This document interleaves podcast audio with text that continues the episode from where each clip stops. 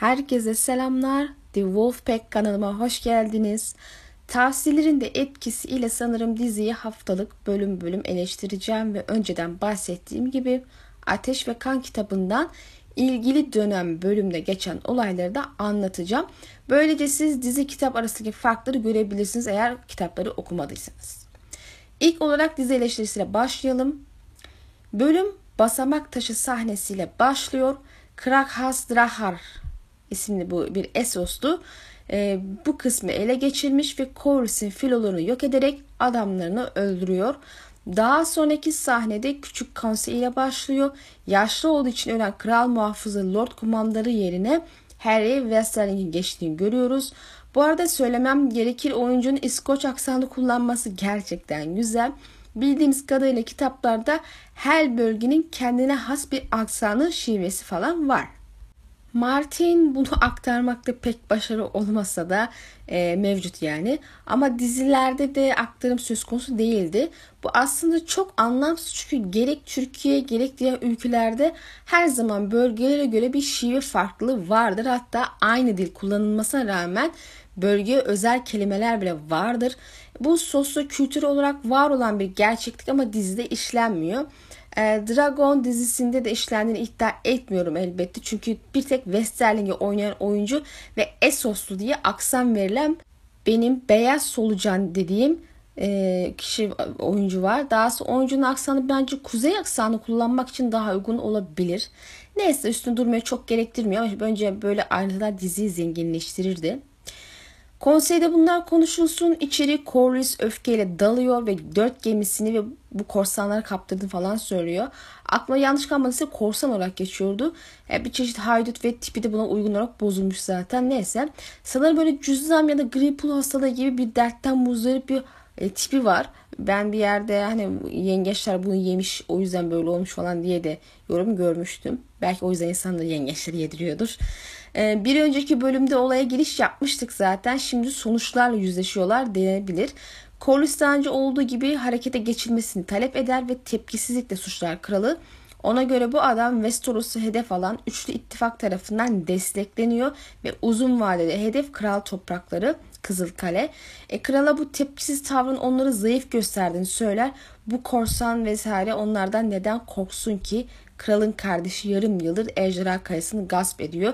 Yanında altın pelerinleri götürüyor ama kimse bir şey yapmıyordur. E, kral ve Otto hatta konseyin kalanı da diyarı özgür şeylerle savaşa sokmak istemediğini, daha önce onlarla hiç savaş, savaşmadıklarını, barışı korumak istediklerini söyler ama Viserys özgür şeylere elçiler gönderip durumu masaya yatırdığından bahseder. Otto tavrı yüzünden Corlys'e masasında oturmanız kralın denge olduğunu göstermez diyerek ayar çekmeye çalışır. Şahsi fikrim iki tarafın da derdi anlaşılabilir ve anlıyorum da zaten. Yani her şeyi kılıçla cevap verilemeyeceği gibi her şey diplomasi ile de çözülemez. Viserys'in savaş yerine ilk olarak özgür şeylerle işi diplomasiyle çözmek istemesi bence doğru bir hareket gibi görünüyor ilk aşama. Çünkü ne kadar güçlü olursanız olun neticede savaş denen olgu diyarı zayıflatan bir yaradır. İmkan ölçüsüne kaçılmak ve son çare olarak başvurmak gerekir ama haddinden fazla diplomasi peşine koşmak da doğru zamanı kaçırmak ve düşmanın güçlenmesi demektir. Özellikle de o çağda. Günümüzde hadi savaşalım denmiyor kolay kolay. Bu sebeple diplomasi ağırlıklı bir politika takip ediyor. Ama elbette el altından da işte istihbaratçılar birbirine operasyonlar çekip protestolar, suikasta falan tertip ediliyor ülkelerde. Yani soğuk savaş var. Ama o çağlarda doğrudan sıcak savaş daha yaygın. Bir önceki bölümde Corliss'in üçlü ittifaka ve olası tehditlerine karşı konseyi uyardığını gördük. Ama hiçbiri kale almadı ve sonuç olarak Drahar denen şahıs peyda oldu ve basamak taşı bir tehdit haline geldi. Şimdi ise diplomasi ile işi çözmeye çalışıyorlar. Muhtemelen onların yöntemiyle giderlerse Corliss'in korktuğu şeyler gerçekleşebilir. Düşman güçlenebilir. Bu savaşa gireriz korkusu açıkçası bazı yönlerden anlamsız geliyor. Öncelikle bu adam sözüm ona görünürde tek başına hareket eden bir korsan kral gibi bir şey ama arkada özgür şeyler bunu destekliyor. Evet arkada bir destek var olabilir ama açıkça değil çünkü açık bir destek onlar için de faydalı değil ki böyle bir tercihde bulunmuşlar. Netice düşmanlarının sürüsüne bereket ejderhası var ve altın çağını yaşayan bir Westeros krallığından bahsediyoruz. Haliyle basamak taşına yapılacak olası bir saldırının Westeros'u özgür şeylerle neden savaşa sokacağını da anlamış değilim.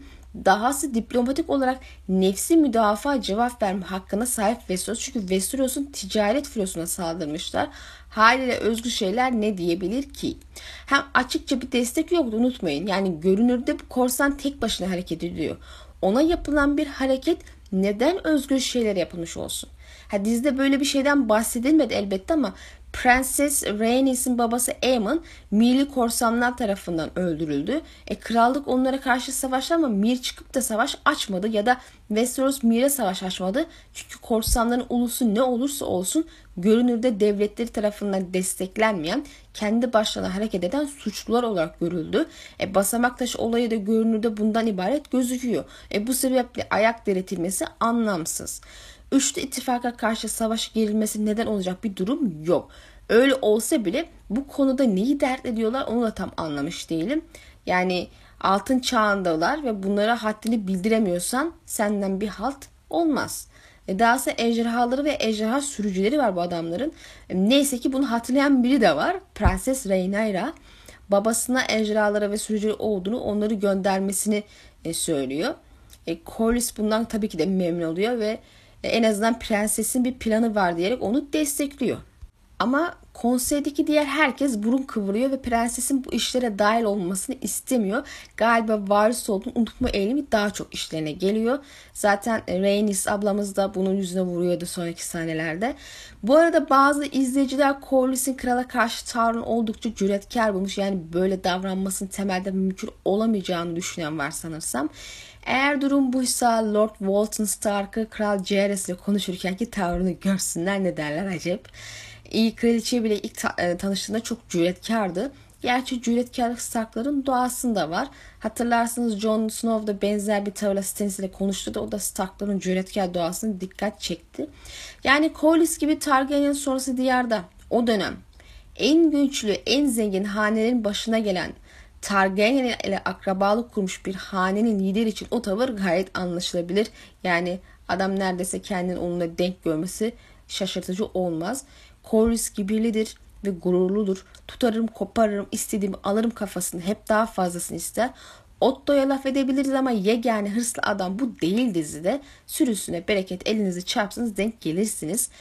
Bu senede iki şey iyi, iyi görebiliyoruz. Otto'nun oldukça buyurgan ve cüretkar bir havası var. Gerçi önceki bölümlerde de e, bunu sezinledik gördük ama burada biraz daha belirgindi sanki. Yani böyle her şeyin sahibi olduğu hissine e, gibi hareket ediyor. Tüm bölüm boyunca bunu net hissediyorsunuz zaten. Kralı da prensesi de yönlendirmeye, hükmetmeye çalışıyor. Bana Muhteşem Yüzü dizisinde gücün tadını alınca böyle totosu havaya kalkan ve hükümdarmış gibi hareket eden damat İbrahim'in e, tavırını anımsattı. E, bu arada doğrudan tarihin kendisinden değil de diziden referans verme sebebi görsel olarak canlandırıp mukayese yapması daha kolay olur, olur diye. Yani yanlış anlama falan olmasın. Ot ayrıca böyle Tywin vari bir havaya da sahip böyle güç ve ihtiras manasında. Aslında böyle kronolojik olarak yaklaşırsak Tywin döneminin ikinci Otto'su demek daha doğru olur. Sonuçta Otto Tywin'den önce gelmişti. Ee, tabii yazım aşaması olarak bakarsak Tywin daha önce yazıldı. Ee, iki karakter de hakimiyetli döneminde ağır eleştiri maruz kalmış ve kimileri tarafından varlıkları nahoş bulunmuştur. Ee, diğer şey ise dikkat çeken Rhaenyra'nın da fark ettiği gibi ona varismiş gibi davranmıyorlar. Babası yaşının küçük olduğunu düşündüğünden sanırım diğerleri de cinsiyeti yüzüne olası bir öneri ve girişimine set çekiyor. Bu insanların savaş konseylerinde bir kadının yeri dahi olmadığını düşündüğü bir çağda yaşadığını unutmayın. Haliyle savaş meselesini susturulması beklendik bir durum. Otto zaten bence prensesin ileride kraliçe olacağını kabul bile etmiyor. Başka planları var. Otto da zaten hani kızı ulaş, uzaklaşmak konseyden olan için ve de hani ağzına bir parmak bal çalmak için diye düşünüyorum. Hani bir kişi eksilen kral muhafızanın yeni üye seçim için prensesin ilgilenmesini tavsiye ediyor. Prenses pek memnun kalmasa durumdan kalmasa da durumdan söyleni yapıyor ve turnuvada kendini kanıtlamış kişiler çağrılıyor ve aralarında elbette ki Kristen Cole da mevcut. Prenses bu kişilerin turnuva dövüşçüleri olmanın ötesine geçmediğini fark ediyor ve hangisinin gerçekte savaş deneyimi olduğunu sorduğunda doğum sınırında doğruna karşı savaşmış olan Cole öne çıkıyor. Bunun üstüne Lord Dondarrion onu şövalye ilan etmiştir. E, Rhaenyra de onu seçiyor ama o hemen müdahale etmeye çalışıyor ve minik bir haneden hanedandan ise e, Melister gibi bir önemli haneyi mensup birinin seçilmesinin daha uygun olabileceğini söylüyor. Anladığım kadarıyla Otto bu kral muhafızlığı meselesini büyük önemli hanelerle taç arasındaki ilişki geliştirme aracı olarak görüyor. Yani siyasi bir ilişki geliştirme amacı olarak görüyor. Anlaşılabilir, anlaşılabilir tabii ama prensesin seçimi daha mantıklı ve doğru. Çünkü dediği gibi babamı turnuva dönüş dövüşleri değil savaşta kendini gerçekten kanıtlamış kişiler korumalı. Neticede kral muhafızları dünyanın en güçlü ve becerikli kılıçlarıdır. Kralı koruyacak yetenek ve tecrübeye sahip olmalılar. İki turnuva dövüşüne deneyimlemek pek de mümkün değil. Daha sonraki sahnede Viserys'in Valeria minyatürünü ve Alicent'i görüyoruz. Tarihleri hakkında biraz bilgi veriyor ve Anogrion isminde kam büyücülerin büyü çalışmanın yaptıkları yer hakkında özellikle bilgi veriyor. Kitaplarda böyle bir mekandan bahsedilmiyor. Hatırlamadım en azından ve şöyle bir baktım bilgi yoktu. Şimdilik kitaplarda olmayan bir bilgi diyelim. Neden bunu özellikle dikkat çekildi çok emin değilim. Hani ileride Valeria ile ilgili bir dizi gö- görebilir miyiz? Ya işte Naimere dizisinde ufak da olsa görebileceğimiz yerler mi? Ya dikkat çekilmek istenen kısım kan büyüsü mü? Game of Thrones'un aksine bu dizinin büyüsel unsurlara kapısını açtığını fark etmişsinizdir. Hikaye akışını doğrudan büyük noktalarda etkilemese bile Martin kitaplara spoiler olabilecek bazı bilgilerin eklenmesini istemiş olabilir mi dizide? Egon gibi. Ee, cevap bulmak için beklemeye devam etmekten başka çaremiz tabii ki de yok. Belki ileride daha belirgin şeylerden bahsederler. Bununla beraber Viserys ve Alicent dertleşmesini de görüyoruz ve ana konumuz Rhaenyra. Elbette Alicent'in babasının doğrultusunda kralın gönlünü girme çabaları aynen devam ediyor ama kızın her hareketi ürkek ve bunu istemeye istemeye yaptığı belli.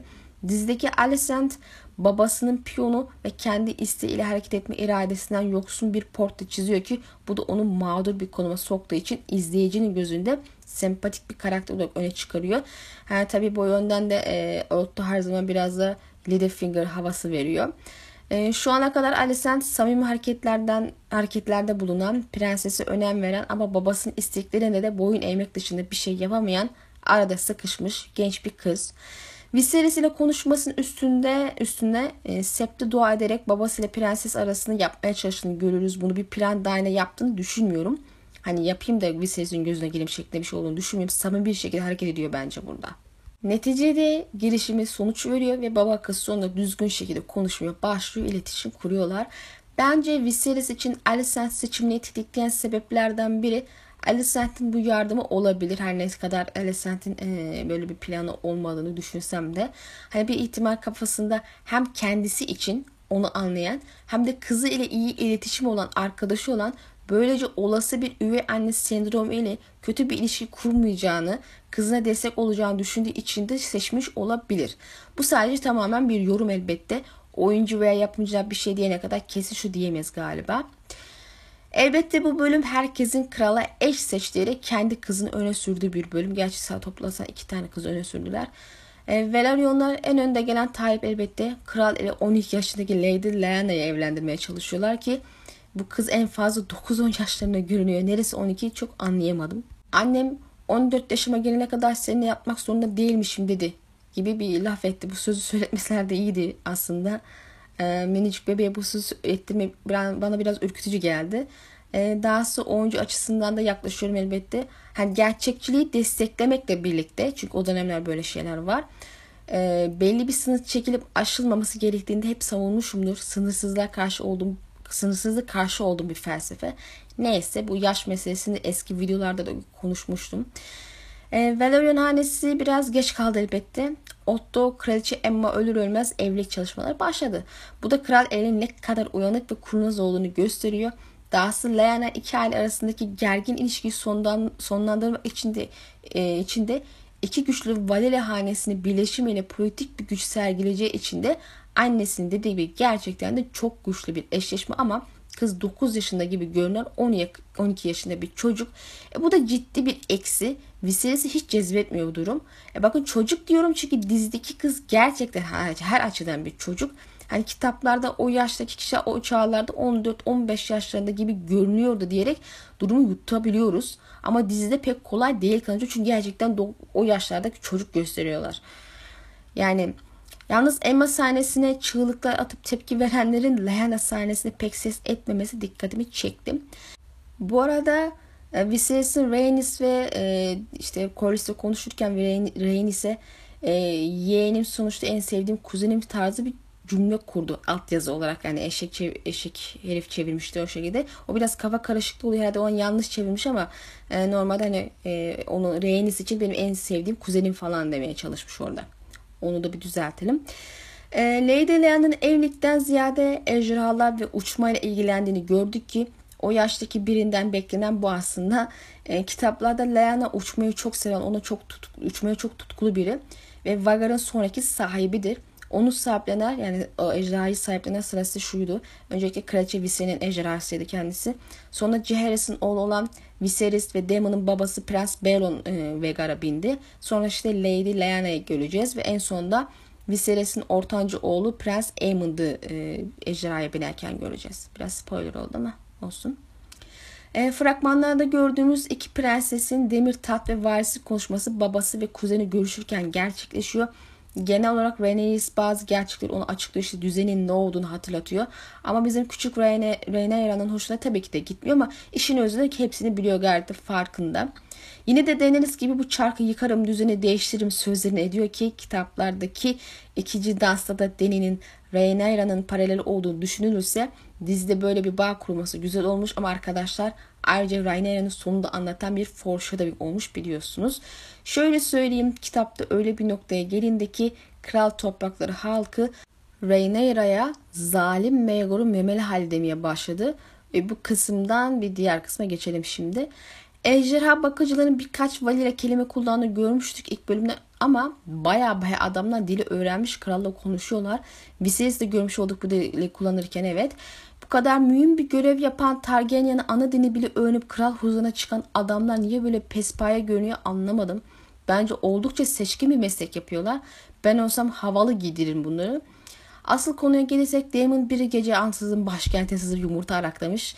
Çaldığı yumurta da Dreamfire'a yani rüya ateşine ait. Arkadaşlar konuda e, bazı arkadaşlar e, yumurtanın ismi Dreamfire falan diye direttiği öyle bir şey yok. Hangi yumurtanın hangi ejderhanın yumurtası çalındığını soruyor. Dreamfire'ın yumurtası çalındı diyorlar. O konuda bir kafa karışıklığı olmasın. Bilmeyenler için bu ejderha kral Aenis'in kızı yani birinci Aegon'un Fatih'in ilk o büyük oğlunun kızı. Jaehaerys'in ablası kara gelinlerden biri olan Prenses Rhaene, Rhaene Targaryen'e ait. Aynı ejderha daha sonra Viserys'in en küçük kızı Helena'ya geçiyor. Kitapta yumurtanın annesi kim oldu tabii ki de bilinmiyor bu Daemon'un çaldığı. Lakin bu ejderha ile bağ kurulmasının sebebini anlamak güç değil. Ee, sonraki bölümler için spoil olacak ve ben bunu bu sefer yapmak istemiyorum. Bu sebeple şu an dile getirmeyeceğim. Ee, tabii yanılıyor olma şansım da var çünkü. Fragmanda bu yumurta çalma sahnesinde gördük ama dizide göstermeyip kesmişler. Neden bilmiyorum. Ama bence kötü olmuş. Bunu görmeyi çok isterdik. izlemeyi bekliyordum. Ejra kayasında gidip çaldığını düşünmüştüm. Gerçi ona çalmak da denmez. Sonuçta ejra kayasına girmiş almış falan durum oluyor. Neyse yani. yani çünkü ortam öyle bir havaya sahipti. Bir mağaraya falan giriyormuş gibi ama öyle gözü öyle değilmiş. E, ejderha çukuruna girmiş. Ne diyeyim. Yine de Twitter'da dikkat çekenler olmuş. Hani bu yumurta alma sayesinde yayınlanan fotoğraf ve fragmanda e, Damon'ın saçları kısa ki bu 10 sene sonraki Damon'ın saçlarına benziyor. Ama kıyafetler bu bölümde gördüğümüzde aynı. Evet gerçekten de mağaraya benziyor girdiği yer tekrar baktığımda ejderha çukuruna değil. Haliyle ya sahnelerle ilgili bir değişiklik oldu. Bu sebeple sahne kesildi. Ya da bu sene bu sahne 10 sene sonrasına ait yani iki ayrı yumurta vakası izleyebiliriz. Ee, kesin değil bilmiyorum ama muhtemelen sahne kestiler. Ee, yani sahneyi değiştirip kestiler galiba. Yumurta ile ilgili iki ayrıntı verelim. İlki bariz olan ayrıntı prenses bu ejder yumurtasını ölen karşı Belon için seçmiş. Bu yüzden biraz e, kırılmıştı. E, rahatsız olmuştu bu durumda. Bariz olmayan ayrıntı ise kitapları okumuşların fark edeceği üzerine e, yumurta altın renkte olmasını sorgulamıştım daha önceki fragmanlarda. Neyse bu yumurta daha sonra ikinci Aegon olarak tahtta oturacak kişiye verecek yumurta muhtemelen. E, kime niyet kime kısmet yani. E, bu altın yumurta bana altın olarak gözüküyor yumurta. Bence Sunfire olacak. Gelmiş geçmiş en güzel ejderha olarak biliniyor. Aegon Savaşı kişisi armor olarak altın renkli bir ejderha sancağı kullanıyordu. Yani kendisini bol bol göreceğiz sonraki sezonlarda. Zaten fragmanlardan çıkardığım kadarıyla yumurtanın daha başka sahneleri var gibi gözüküyor. Gelelim Damon'ın tahriklerine. Otto'nun kayaya gitme sebebine. Yumurta diye tahmin etmiştim ama iddiasız bunun bir parçası değilmiş. Üstüne K ile dahi almamış Viserys. Yarım yıl sesini çıkarmamış. E, çalınan yumurta ölen Balon'a ait olunca Viserys kızıyor. E, sanırım ikinci bir hakaret olarak algıladı. Bir günlük varis meselesine biyanen. Elbette yumurtayı bir zaniyeden doğacak metresine vermesi noktası da tuz biberi olmuştur. Onunla evleneceğini söyleyip kralı da davet ediyor. E, bu da dizide Aegon ve Maegor sonrası ikinci eş almaya yeltenen üçüncü kişi yapıyor onu.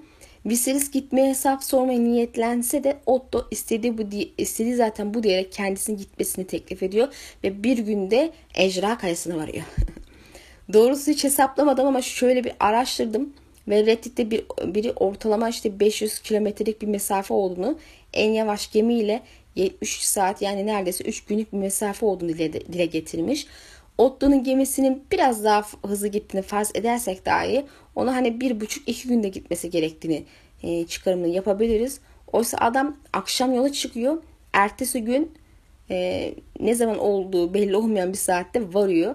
Hani sabahları mı varıyor, öğlen mi varıyor yani uçuk bir şey. Ondan sonra yetmiyormuş gibi artık hani ikindiden sonra yola çıktığını farz etsek e, olaydan sonra e, ertesi gün varıyor akşam şey yetişiyor e, konseye yetişiyor. yani böyle biraz zaman şeylerinde e, biraz sıkıntı olmuş. Yani Damon ise hani yarın düğünümüz falan var diyor. Otto gittikten sonra. Ne zaman önemsiz ayrıntı olabilir ama yani bunun yeni atıyorum 4-5 gün sonra düğünümüz var desin ve yola çıksın. Yani uyumlu hale getirmek zor değil. Böyle şeyler önce Derya'yı son anda boğulmak gibi geliyor. Neyse olayı çok fazla kasmayalım. Yorumlamaya geçelim sahneyi. Fragmanlarda gördüğünüz gibi ikisi karşı karşıya geliyor. Yeni muhafız seçilmiş Kristen Cole da onunla beraber elbette. Hatta Damon olan kısa sohbeti tebessüm ettiriyor. Crispin misin sen diye. Ve bana dizide bu ikisinin arasında daha derin bir düşmanlık kurulup kurulmayacağını merak ettiriyor. Gerçi muhtemelen Damon'a Otto yeter, prensesi de Cole yeter. İlk aşama Otto'nun tavrı biraz saçma. Ee, insan şeye geliyor. Kime kafa tutuyorsun ve gerçekten ne başaracağını umut ediyorsun. Karşında Damon var ve Dağ Serif'in ejderhası var. E, Damon'ı tehdit ettiğinde ejderha ortaya çıkıyor ve Otto'nun bakışı ben bunun varlığı unutmuştum yandık iyi mi der gibiydi. E, bu yüzeysel olarak bakınca ortada olan isim Reddit'te ise e, Bakut Fetish isimli bir kullanıcı üstünde çok düşünmediğimi fark ettim de bu sahne üzerine. Burada Otto'nun amacının 20 tane adamla Damon'ı alt etmek değil, başaramamış bir halde geri dönüp kardeşin sana isteyen bayrağı açtı demek krala. Bu şekilde Damon ve abi arasındaki uçurum büyüyecek ve dahası bir ihtimal hainlikten idam edilecek. E zaten bunun üstüne durmuş hani sen isyan etmiş olacaksın bilmeme falan diye. Çok sinsice ve akıllıca Otto'dan korkulur. Şu ana kadar Damon ve Otto arasında tat oyunu dönüyor gözüküyor ve bence Damon savunmada kalan taraf Otto sürekli sağa sola saldırıyor. Faal durumda. Belki de Damon'ın ağabeyini ayağına çağırması Otto'nun araç hamlesine karşı onunla ilişkisini yumuşatmak olabilir. Karaxis sahnesinden sonra başka bir ejderha ortaya çıkıyor. Cyrex. Rhaenyra'nın amcasına yardıma geldiğini sanmıştım hep ama elbette o kan dökülmesinin öne geçmek için gelmiş. Aslında yorum doğru ise Otto'nun planını bozduğu için Daemon'a yardım etmiş oluyor. Çünkü baya baya isyan gibi görülmesi umurumda değilmiş gibi efeleniyordu Daemon. Yani istediğini alacaktı Otto eğer Rhaenyra'ya gelmeseydi. Ölen kardeşi Belan'ın yumurtasını alması onu aslında yaralamıştı demiştim. Hayal kırıklığına uğramıştı. Bu sebeple acaba bir Drakaris demeye yeltenir mi amcasına diye düşünmedim. Değil. Hani çünkü kızgın olacağını farz ettim ama bizimki kızgınlıktan ziyade dizide şu ana kadar ağırlıklı, hüzünlü ve sakin görünüyordu. Zaten Damon ona o da Damon'a karşı hep böyle yumuşak. Damon'a senin varisin öne geçen benim hiddetinin kaynağı benim öldür beni diyerek böyle meydan okuma falan yapıyor ama tabii ki zarar vermeyeceğini tahmin ediyordur. Damon'ın ama Damon'un öyle bir bakışı vardı ki bir an sanki bunu düşünmüş gibi hissettim. Ama dizdeki Damon ailesine düşkün bir adam. Bu sebeple geri adım atıyor. Yumurtasını yeğene iade ediyor. Kesinlikle Rhaenyra onun yumuşak karnından biri. E, varislikten men edilmek onu öfkelendiriyor ama öfkesini hiç yeğene yöneltmiyor. Kitapta da yöneltmiyordu. Hatta onu sorun tutmuyor bile. Biraz tüy aldım. Dizinin bölüm yorumlarını dinledim. Damon'ın Rhaenyra'nın Rhaenyra'yı e, ondan bir şey ameliyat etmediğini, varis olmayı seçmediğini farkında olduğunu bahsettiler. Ayrıca yeğeninin Damon'un dünyada dinlediği birkaç kişiden biri olduğunu söylediler. Ee, bu arada fragmanlarda gördüğüm yumurta pişirme tenceresi diye dalga geçtiğim şey de onu sıcak tutmak içinmiş. Damon elinde tutuyordu. Niye özellikle ona koyma gereği duydular bilemedim. Ejderhalar kuluçkaya yatmazlar ve o şekilde de çatlamaz zaten. Neyse yine de taşımak için hoş bir ayrıntı diyelim. Ejderha bekçileri taşıyor bunu elbette ve alıp götürüyorlar. Sanırım bu tencere kabak meselesi yumurtayı çatlatma girişimi olarak işlenmeye devam edecek. Yani dedim ya fragmanlarda yumurta sahne, yumurtanın sahneleri var başka. Yani sonuçta neticede ikinci Aegon'a bir ejderha lazım. Oyun demişken Otto haklı görünüyor evlilik konusunda niyet olarak dürüst davranmamış olsa bile Miseria hamile falan değil ve zaten konuşmadan anlıyoruz ki bu ikisinin e, bunun olmaması için iş kökten çözen bir şey yapmış bu kadın zamanında. Yani dizdeki beyaz solucanın hamile kalma şansı yok. Damon'ın cevabı da komime gitti doğrusu. İyi işte çocuklar çok darlıyor zaten. Manyağa bak. Yani böyle umursamaz, gamsız bir tip havası veriyor bazen. Elbette kadının evlilikten de haberi yok ya evleniyoruz mu biz ya falan diyor. Damon da yarın diyor. Bir haber verseydin, verseydin bir Damon önceden. Metresi oyunu için tabii ki Damon'e kızgın çünkü kendisini tehlikeye atmış olduğunu düşünüyor ama Damon ona zarar vermeyeceklerinden emindir. Bu adam bu kadına da, kadına da biraz düşkün. Ee, sanırım duygusal olarak bağ kurdu herkese karşı yumuşak yüzünü gösterdiğini söyleyebiliriz. E, benim merak ettiğim bu oyunun amacı tam olarak neydi? Yani sadece e, kardeşiyle ilişkisini yumuşatmak mı? Vises'in kaleye gelmesini istedi o bariz. Görmediğinde abimi göremiyorum falan dedi hatta. E, müzik bir çocuk gibi bu adam bazen beni bebek yumurta çalmak ve düğüne davet etmek gibi oyunlara giriyor. Yani gerçekten abinin ilgisini çekmeye çalışan bir havası var gibi gözüküyor ilk dışarıdan ama o kadar da e, saçma hareket ettiğini zannetmiyorum. Yarım yıl sessiz kaldıktan sonra Viserys'ten tepki gelmeyince tamamen unutulduğunu düşündü de böyle bir karmaşa yarattı. E, Matt Smith Damon'ın karmaşa yaratıp bundan zevk aldığını ve bundan beslendiğini söylemişti. Yani bir ihtimal abisiyle arasını yapmak e, yani ilişkiyi sıcaklaştırmakla beraber e, olay biraz da buna dayanıyor olabilir. Yani varlığını diğer ailesine falan çevresini hatırlatıyor ve ilgi odağı oluyor. Bundan hoşlanıyor. Yani ikinci çocuk sendromu da yaşıyor ki Corlys ile olan son saniye konuşmasında buna vurgu da var. Bizler ikinci çocuklarız diyarın Damon bize kimse değer vermez. Kendi değerimizi kendimiz yaratırız. Damon sanırım bunu yapmaya çalışıyor bir yandan da karmaşa yaratarak. Bölüm yorumlarında ayrıca Damon'ın dünyadaki yerini aradığından da bahsetmişlerdi. Ben ne yapıyorum, ne yapacağım, ne işe yararım tarzı şeklinde herhalde. Benim fragmanlarda da kafamın takıldığı nokta adamın arkasında bütün şehir muhafızını alarak ejderha kayasına gidip 2000 kişilik küçük bir orduya nasıl sahip olduğu idi hatırlarsanız. Adı üstte şehir muhafızları. Bunlar burada iken yarım yıl boyunca şehri kim kurdu Allah aşkına? Damon 3-5 kişi de anlamış ki arkadaş 2000 kişi toplamış gelmiş gemileri doldurup götürürken bir Allah'ın kulu da çıkıp hayırdır birader nereye götürüyorsun dememiş mi ya? Hani konsey bu sırada haber almamış mı? O sırada ne yapıyorlar? Yemek yemek yemek mi yiyorlardı? Ne yapıyorlardı? O kadar insanı ejderha kayısına götürmek için de böyle 2-3 gemiden fazlasına ihtiyacınız var ya. Yani bu sebeple kimin gemilerini aldı? Kral filosunu mu aldı götürdü adam? Kral ve konsey olan bitenden habersiz belli ki fısıltı başı ne işe yarıyor? Yani dizideki konsey rezalet resmen. Corlys Viserys'i bizden niye korksunlar ki daha kardeşini bu hareketine gıkı çıkmadı diye ayar çekerken tamamen haksız değil tamamen haklıdır. İşin özünde de bu muhafız meselesi dizide mantıksız bir kurgu olarak yerini aldı arkadaşlar bence. Ee, sonra kralın yeni karısını açıkladığı sahneye geliyoruz. Corliss Leana olduğundan emin bir şekilde duymayı bekliyor. Yüzünde böyle bir ifade var ama Alicent deyince küplere biniyor ve çekip gidiyor. Otto'nun yüzünde de nazar etme ne olur çalış senin de olur tarzı bir ifade var. Tam yüzüne yumruk çakmalık bir an aslında. Kabul etmem lazım ki adam çalıştı kardeşim. Şahit olduk yani. Gerçi işin sitesi kısmı Alice'lerde yaptı ama olsun. Elbette bu haberi sevinmeyen diğer kişi prenses. Muhtemelen ihanete uğramış hissetmiş olabilir. En iyi arkadaşımsın benden sakladın. Babamı mı ayartıyordun? Ben olsam ejderhama yedirmek isterdim herhalde. Alicent'in yarım yıl boyunca Otto'nun emriyle kralın gönlünü kazanmak için uğraştığını, Otto'nun en başından beri amacının kızını kral karısı yapıp torunlarını kral yapmak olduğunu çok net görebiliyoruz artık. Rhaenyra, olayı sadece Otto için en büyük tehdit olan Daemon'ı bertaraf etmek için atılmış bir adım. Bu sebeple bir günlük varis olayı benim için daha şüpheli hale geliyor. Çünkü Otto'nun Tywin gibi hesaplı kitaplı hatta Littlefinger gibi, gibi e, bir plan dahilinde hareket ettiğini görebiliyoruz. İki kardeşin arasında açma meselesi gayet işe yarıyor ve yarım sene boyunca konuşmuyorlar. Damon varislikten el ayak çektiriliyor falan.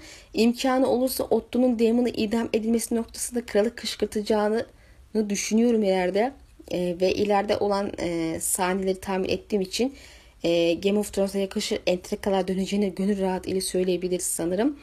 Son sahne bahsettiğim Daemon Corlys konuşması basamak taşı savaşı için onu ikna etme, etme çabaları, konuşmaları işte benzer kumaşlardan yapıldığını, birbirine benzediklerini falan bahsediyor Corlys.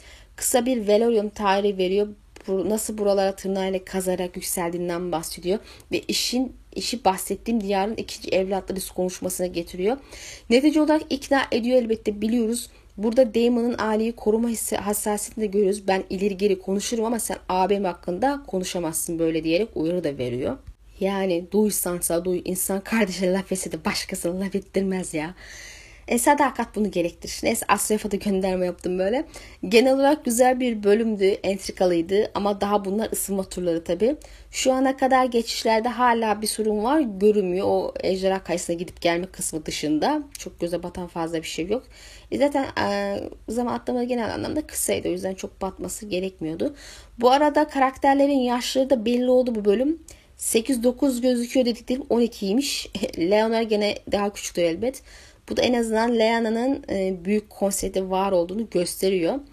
Aynı şekilde Rhaenyra da 15 yaşındaymış ikinci bölümde. Kitapta olduğu gibi o halde konsey sırasında 4 yaşlarında falan oluyor. Tek fark Valerion kardeşler Rhaenyra sonrası doğmuş gösterildi. Neden anlamış değilim. Anneleri öne çıksın diye mi konseyde bilemedim. Muhtemelen olabilir. Hiç olmayan kraliçenin dayısının e, kuzen yapılmasına karşı bir argüman öne sürüldü Reddit'te. Biri bana yaşça daha büyük olduğu için falan dedi ama hiç mantık gelmedi tabii. Kadının yaşı dizide büyütüldüyse dayanın yaşı da büyütülmeliydi. Neticede herif ölecek ve o yerine oğlu geçecek. Genel olarak çok mühim bir katkısı yok hikaye Boremont'un. Yani öne sürülen argüman temelsiz geldi. Çok anlamlı değil. Bu arada açılışla ilgili de yorum yapalım. Farklı bir müzik bekliyorduk ama Game of Thrones müziği seçilmesi iyi ve mantıklı bir seçim olmuş. Ne olursa olsun başka bir müziğin çok güzel olsa da bunun bir tık altına kalacağını düşünüyordum. Martin de Marvel ve Star Wars evreni gibi bir sinematik evren kurmak istediğinden bahsettiği için aynı açılış müziğini kullanılması doğru olmuş. Ayrıca insanı Game of Thrones'a bağlayan bir şeyden bahsediyoruz. Bir nostalji etkisi de var. Ben fark etmemiştim. Bazılarınız benim gibi fark etmemiş olabilir. Thrones Facts Twitter adresinde gördüm. Açılıştaki kanı görünce böyle ateş eksik, ateş ve kan noktasında daha iyi olur diye düşündüm. Hala da düşünüyordum ama kanı soy bağı anlamında kullanmış görünüyorlar. Yani Targaryen aile ağacı ama daha çok mevcut krallar neticesinde gibi gözüküyor. Şu arma gibi gözüken simgelerin hepsi aile üyelerini temsil ediyormuş. İlk arma birinci Aegon ve sonrakiler eşlerini temsil ediyor. İşte kan Fatih'in küçük karısından e, devam ediyor. Oğlu Enis'e geçiyor. Oradan da Ciheryes ve Alniseyn olarak görünüyor. Dikkat ederseniz kan ağacı dalları gibi saçaklıyor çünkü bir sürü çocuk olduğu için işaret olarak ama oradan tek sadece tek bir dal odaklanıp Alisa ve Baelon'a geçiyorlar. Bu Alisa Arya ve Lyanna karışımı bir kız. E, Rhaenys'in kullandığı ıı, kırmızı kraliçe Mel Melis'inin ilk sahiplenen hatta ilk baleronu falan yelteniyor da belki o yavaş yavaş onu kırmızıya yönlendiriyorlar. En sevdiğim Targaryen Hatun'u kendisi. Neyse buradan oğulları Viserys'e geçiyor. Daemon gözüküyor ama şöyle köşede kalmış gibi göründü bana. Oradan da Rhaenyra'ya geçiyor ki onun simgesi olarak e, Daemon'un verdiği kolye gözüküyor. O aralarda da işte Emma, Valerion ve Hightower, Otto ve Alicent soyacı bağlantısı da gösteriyor evlilik, evlilik bağlantısı olduğu için. E, muhtemelen diğerleri sonraki bölüm ya da sezonlarda eklenecek. Son kısımdaki sanırım Valeria minyatürü idi. Bu arada Targaryen armasının altın renkli olduğunu düşünen bir tek ben miyim? Altınımsı kırmızı mı bu yoksa bildiğin altın mı? İkinci Aegon'un e, ki gibi yani onu kastediyorum. Acaba dizi yapımcıları yeşillerden mi yana diye düşünmeme sebep oldu.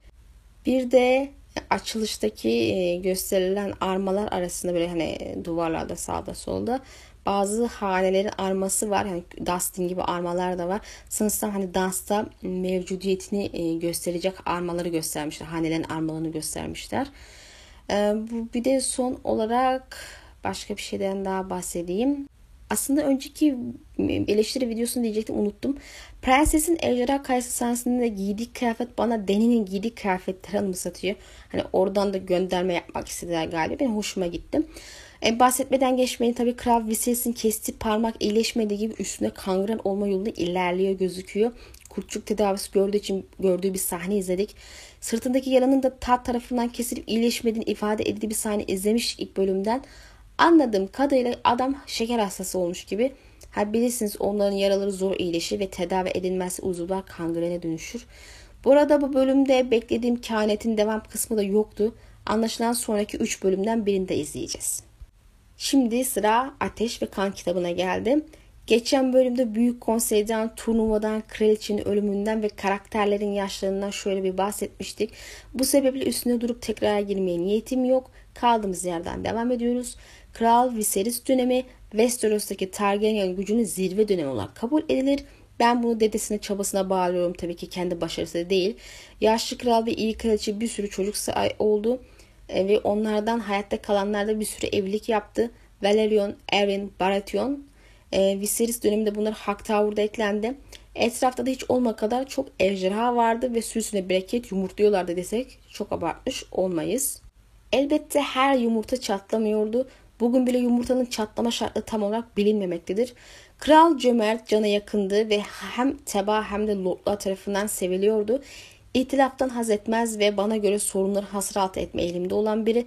Karısıyla sürekli turnuvalar, balolar falan düzenleyen, gözdelerine cömert ödüller, makamına veren biri. inatçı değil ve çevresinin tavsiyelerine genel olarak uyuma eğilimde olan Kral Aenys gibi insanları memnun etmeye çalışan birisi. Bu sebeple çevresi tarafından kolay yönlendirilebilir olması şaşırtıcı olmaz. Dizideki buna bazı yönlerden benzese de balolar peşinde koşan tonton amca gibi değil. Biraz daha iradeli biri. Kraliçe Emma'dan olan kız ise diyarın sevgilisi olarak bilinir. El üstüne tutulur ve çok sevilir. Babasının kızının her istediğini yaptığı söylenir. E, dizide de gördüğünüz gibi Cyrex'i sürüyor. Bu isim Valeria'dan kalma eski tanrıçalardan birinin ismi. İdarenin sıkıcı kısmı ki biz buna yönetmek diyoruz. Küçük konsey ve kral eli Otto'ya bırakılmıştı. Dizide tabii ki Viserys sürekli yönetimin başında. E, kitaptaki Viserys bana Robert dönemini anımsatıyor.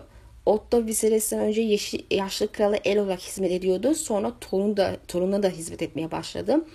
Otto yetenekliydi ve kimse bunu inkar etmiyordu ama gururlu, kibirli, kendini beğenmiş tavırları ve zamanla buyurgan hale gelmesi büyük küçük birçok lordun ve tabii ki de Prens Daemon'ı rahatsız etmiş, demir tahta olan erişimini kıskanır duruma gelmişti. Doğal olarak elin en büyük rakiplerinden biri fevri, hırslı ve dengesi olarak betimlenen kralın küçük erkek kardeşi Daemon'dı. Dizide bu konuda gram değişiklik yok. Aynen böyle bir Otto ve Daemon çatışması görüyoruz. Daemon hiddetli olduğu kadar alımlı ve ağabeyinin olmadığı her şeyde yani dövüşler ve bezli şeylerde çok becerikliydi. Kendini göstermesini biliyordu. 16 yaşında şövalye ilan edildi ve yaşlı kral torununa yiğitli yüzünden e, kara kız kardeş kılıcını verdi. Onun döneminde Lady Ray Royce ile evlendirdi ama ikisi de birbirinden nefret etti. Karısına bronz kaltağım diyerek hakaret eder. Dizide gördük. Kılıcında gördük. Dövüş becerinde gördük. E, Viserys kral olunca evlilik feshedilmesini talep etse de e, abisi bunu kabul etmez ama kardeşini küçük konseyde hazine başı ve sonra kanun başı olarak görev almasına müsaade eder. Daemon bu vazifeleri kısa süreli işgal etmişti çünkü ona göre bu işler çok sıkıcıydı. Dizide sanki kral bu görevleri vermek istemiş de Otto işte gaddar, müsrif biri uygun değil bu görevleri diyerek kralı vermeme konusunda ikna etmiş gibi yansıtılmış. Oysa kitaplarda aksine bu vazifeleri vermesini tavsiye eden Otto'nun kendisi muhtemelen Damon'ın sorun yaratması öne geçmek için oyalanması için bir şeyler vermek istedi. Bunun üstüne kral onun şehir komutanları Lord kumandanı yapınca Damon Bunda tabii ki de daha başarılı oldu. Altın pelerin lakabı muhafızlara bu dönem verildi. Onlarla ilgilendi, giydirdi, silahlandırdı ve sonrasında işte altın pelerinler her daim deyimine sadık kaldı. Sık sık şehirde teftişe gitmiştir adamlarıyla ve şehre gerçekten de nizam getirmiştir. Ama yöntemleri acımasız kabul edildi. İşte tecavüzcüyle hadım ediyor, hırsızların elini kesiyordu. Dizide bunu gördük. Bu bence acımasız falan değil olması gerekendi. Ama bunun yapış şekli acımasızdı. Elbette kurallar onun için geçerli değildi. İstediği gibi girer çıkar kavgada adam öldürürdü. Dostları ona şehrin prensi diyordu ki dizide turnuvada Cazgır onu tanıtırken bu lakabı kullandı ama halk ona Bit Çukuru Lord'u diyordu. E, genel evlerinden birinde lisli bir dansçı gözdesi oldu. oldu. Beyaz yılan sefalet lakablı Miseria. Ona düşmanları böyle diyor. Benim aklımda hep beyaz solucan şeklinde kalıyor lakabı. Bu sebeple genelde bunu kullanıyorum. Kafanız karışmasın yani. E, beyaz yılan Miseria'dan bahsediyorum be, beyaz solucan derken. E, lakabı tenin beyazlığından geliyor ve görünüşü Valeria gibi zira malum Lis eski kanın güçlü aktığı bir yerdir. Dizdeki kadın uzak doğulu esmer biri. Bu lakaba sahip olduğunu duymadık ama sürekli beyaz giymesine bakarsak ismi buradan gelebilir. Yılan veya solucan olayı da kişiliğiyle ilgili. İleride Damon ve Rhaenyra'nın fısıltı başı olacak kendisi. Damon şüphesiz ki kendisi ağabeyini varisi olarak gördü çünkü kralın yaşayan bir oğlu yoktu. Kral ise kardeşinin ondan sonra kral olması pek istemiyordu ama onu çok sevdiği için suçlarını affetme eğilimi göstermiştir. Dizide zaten bunu aynen gördük. Amca ve yeğenin ilişkisi de iyi. Dar denizi aşan yolculuklara çıktığında onun için yanında hep hediyeler oluyordu. Dizide ona vali reçeli bir koli hediye ettiğini gördük. Araları da gayet iyi dizide. Olması gerektiği bir kitaptaki gibi. E, dizideki Damon dediğim gibi aile, ailesine düşkün. Kitaplarda öyle düşkünlüğü olduğuna dair bir emare gördüm. İddia edemem. Bir tek işte prensese yaklaşım iyi gibiydi.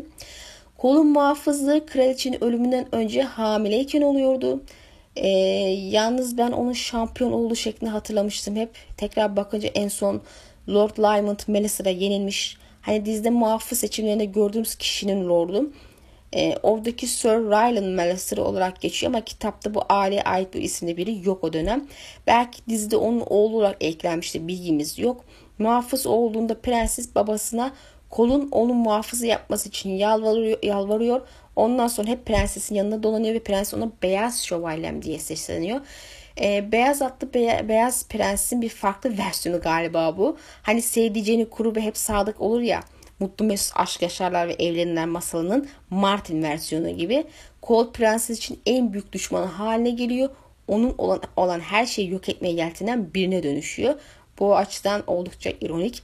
Dizide hali hazırda konserde gördüğümüz Leonard Strong kol muhafızlarına katıldıktan sonra kısa bir süre sonra kralın çağırmasıyla konseye kanun başararak katılıyor. İki oğlu olan Harvin ve Larry Strong'u da yanında getiriyor. Harvin altın pelerinlerin arasında kaptan olarak vazifeye başlıyor. Larry ise kralın işkenceler arasında işkenceciler arasında katılıyor. Lord Strong kızlarını da getiriyor ve onlar prensesin nedemeleri oluyor. Adam Hornell Lord'u bu arada. Biliyorsun orası lanetti. Aileleri hep e, felaket getiriyor. Dizide kızlarını ve prensesin nedemelerini görmedik. Oğlu da şimdi piyasada gözükmüyor. Kraliçe ölünce ve bebekle bir gün yaşayınca Damon genel evde bir günlük var şeklinde alaya alıyor. Ve bu elbette ki kralın, e, kralın kulağına gidiyor. Onu satan kişi için iki iddia var. Biri onun kucağına kucağında oturan zaniye, diğer iki kalemi alan üstada göre kanıtların gösterdiği kişi altın pelerinler arasında yükselmek isteyen kaptanlardan biri. Aklıma Harvin geldi ama onun yükseldiğine dair bir şey yazmıyor. E, dizide durumun şüpheli olduğundan bir önceki bölümde bahsetmiştim ama tekrar ediyorum. Kitapta Damon'un bu lafı ettiğine hiç şüphem yok. Kitapta Viserys kardeşinin bu sözüne sinirlenince kızını varis ilan etme kararı alıyor ve büyük bir kutlamayla lordlara yemin ettirerek bu işi yapıyor. Ama dizide sadece dört önemli lordun, lordu öne çıkarken gördük. Stark, Baratheon, Hightower ve Corlys. E bu da doğal olarak dansa en önemli bunlar aslında e, havası veriyor bize. E, dikkatinizi çekelim. Hawk Tower hariç alayı kendi bölgenin Azam Lord'u.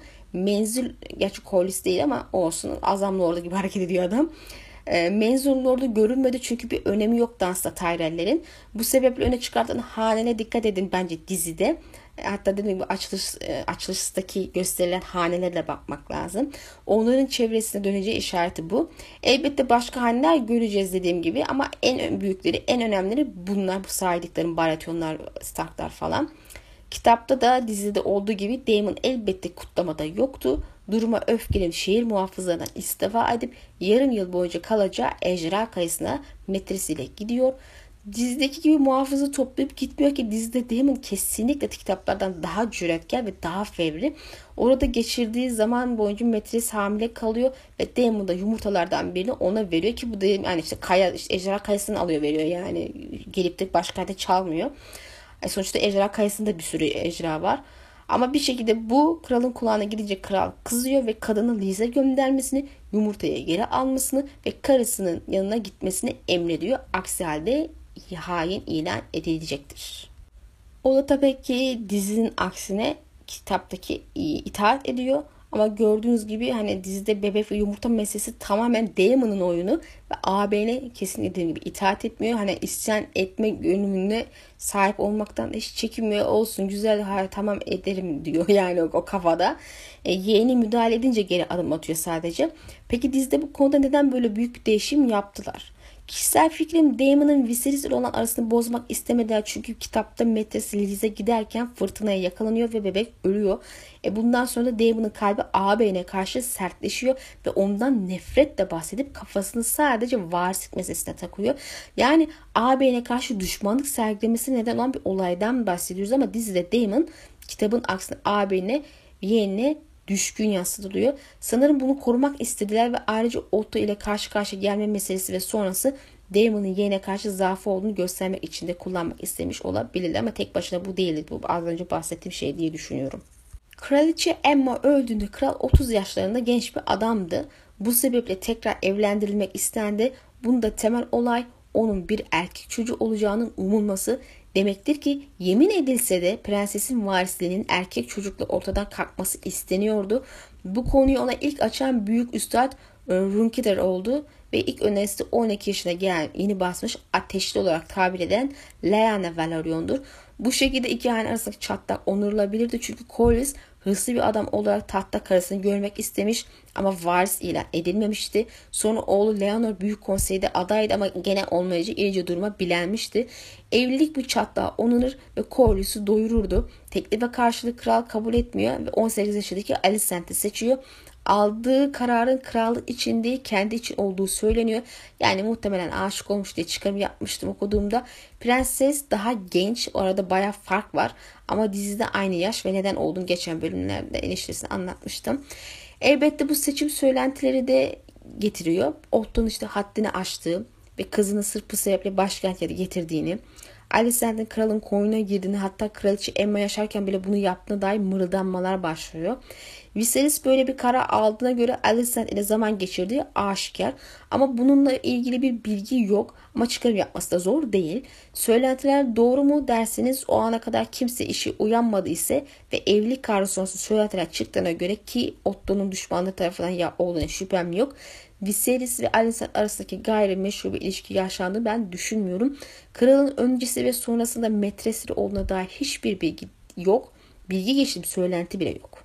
Hani yani insanlar biliyorsunuz her şeyi böyle söylenti mırıldanmalar yapıyor. Buna hiç yapmamışlar yani. Bu sebeple kişiliğinin böyle olmadığını farz edeceğim şimdilik. E, dizide izleyiciler kendi söylentini çıkartarak hemen böyle bir e, ilişki olduğu için Viserys'in Rob gibi işte Alicent ile evlenme kararı aldığı kuramını attılar. Kanıt olarak işte Otto'nun kaya gitmeden evvel kralın odasına gidecek misin sorusu ve kızın kıyafetinin değişmemesi, e, değişmemiş olması öne sürüyor. Ben balıklama bu düşünceyi atlamayacağım. Kitaptaki gibi dizidekinin de böyle yaklaşımları olduğunu görmedik. E, Alicent'ten de bu yönde hiçbir cilve vesaire görmedik. Kız zaten ürkekti. Kıyafet biraz algıda seçicilik olmuş çünkü Prenses Rhaenys hemen hemen birçok karakter aynı kıyafette dolanıyor. Yani şimdi bir, bir, birilerinin koynundan mı çıkıp geldi diye yorumlayacağız onlar için de. Kaldı ki böyle bir şey yaşanmış ise bile bir kişinin odasına gidip yeni kıyafet giymesi ne kadar imkansız olabilir ki? Yine de bu görüşlerin haklı olup olmadığını sonraki bölümde görebileceğimizi düşünüyorum. Yani böyle bir şey oldu ise karakterler arasında açıkça ifade edilen bir şey olur herhalde diye düşünüyorum. Devam edelim. Alicent evreni haber alan Damon elbette ki duruma öfkelenir. Hem düşmanı Otto'nun kızı olması hem de onun doğuracağı oğlanın, oğulların onu tahttan uzaklaştıracağı için ki tamamen haklı çıkacak. Bu sebeple Alicent hiç sevmeyecek Damon ama ona bir saygısızlık da yapmıyor. Haberi aldığında haberci ölümüne kırbaçladığı söylenirmiş. Prensesin durumu tabi tersi o iyi karşılıyor. Düğün günü ve gecesi kaydı aşk, mutluluk, huzur, cartçut nesli işte onlardan var. Toz pembe bir durum yani. Akıntı taşında da Corlys ve Daemon bir araya geliyor. Kitapta Daemon'un vadi ve karısından bıktığı için gittiğini yazar. E, Dark Sister koyun öldürmekten daha asil işler için dövdü. Kan hasreti çekiyor der. Hani koyun muhabbeti vadide koyun muhabbeti vardı ya ondan geliyor. Güç elde etmek için bir yol bulmuştur. Dizide bahsedilen üçlü ittifak yıllar öncesinde korsan haydutlar tarafından ele geçirilmiş basamak taşını fethetmiştir ve orayı bu çapuculardan temizlemiştir. Geçen giden ticari filona sadece makul bir geçit ücreti alıyordu ve bu Westeros için sorun değildir. Ama zamanla iş çığırından çıkar ve ücretler yükseldikçe yükselir. Hatta zevk evleri için kadın ve oğlan gasp ederler. En çok zarar gören de Corlys Velaryon olmuştur. Bu sebeple Daemon ile plan yapar. Daemon orduya lider edecektir. Corlys'i donanmaya Basamak taşındaki ittifakın adamlarına lider eden de Mir prenslerinden biri olan Amiral Krahaz Drahat'tır. Yani gördüğünüz gibi dizinin aksine üçlü ittifak açıkça hareket ediyor ve ordunun başında bir prens amiral gönderiyor. Haydut veya korsan değil adam. Bu bölge yıllar önce ele geçiriliyor ve Corlys ya da diğerleri için bir sorun teşkil etmiyor ta ki Drahat'ın aç gözlükleri kabarana kadar.